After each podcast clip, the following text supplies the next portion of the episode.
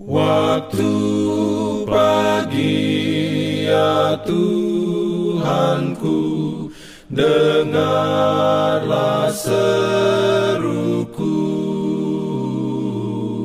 Melayang doa yang sungguh Memandang padamu. Selamat pagi pendengar Radio Advent Suara Pengharapan Mari mendengarkan suara Tuhan melalui tulisan pena inspirasi Yesus, nama di atas segala nama.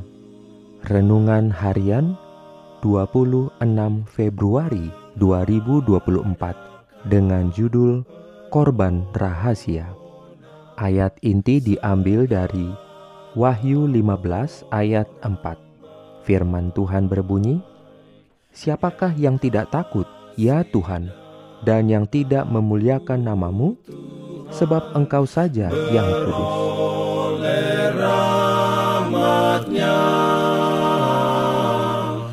diberikannya perlindungan dalam pimpinannya. Urayanya sebagai berikut. Di salib Golgota, kasih dan sifat mementingkan diri tegak berhadap-hadapan. Di sinilah puncak kenyataannya.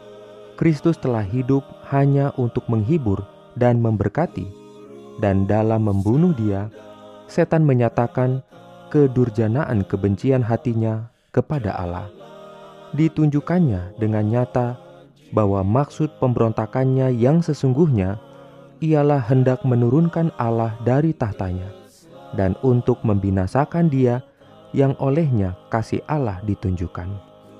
Oleh kehidupan dan kematian Kristus, pikiran manusia pun turut kelihatan. Dari palungan hingga kayu salib, kehidupan Yesus merupakan suatu panggilan kepada penyerahan diri dan kepada persekutuan dalam penderitaan. Itu menyingkapkan tabir segala maksud manusia Yesus datang dengan kebenaran surga, dan semua orang yang mencamkan suara Roh Kudus tertarik kepadanya. Orang-orang yang berbakti kepada diri sendiri adalah rakyat kerajaan setan. Dalam sikap mereka terhadap Kristus, semua orang akan menunjukkan di pihak mana mereka itu berdiri. Maka demikianlah setiap orang menjatuhkan hukuman atas dirinya sendiri. Pada hari penghukuman terakhir kelak, setiap jiwa yang hilang akan mengerti sifat penolakannya akan kebenaran. Salib akan dihadapkan dan artinya yang sesungguhnya akan dimaklumi oleh setiap pikiran yang telah dibutakan oleh pelanggaran.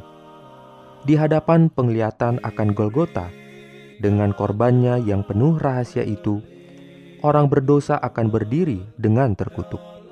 Setiap kebohongan akan disapu bersih Kemurtatan manusia akan tampak dalam keadaannya yang keji. Manusia akan melihat apa yang telah menjadi pilihan mereka.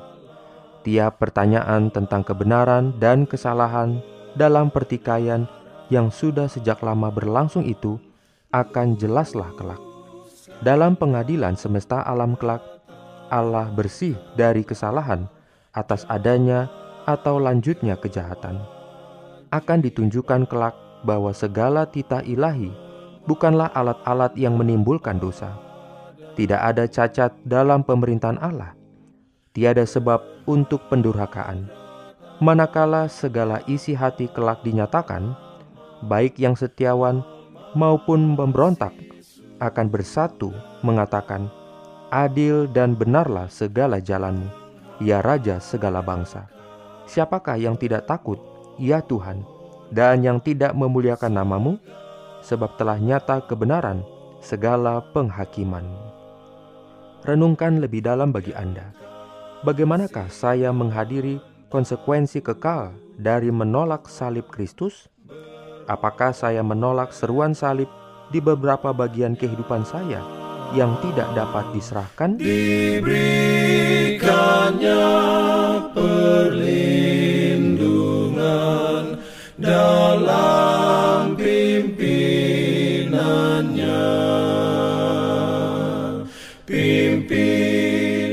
Jangan lupa untuk melanjutkan bacaan Alkitab sedunia.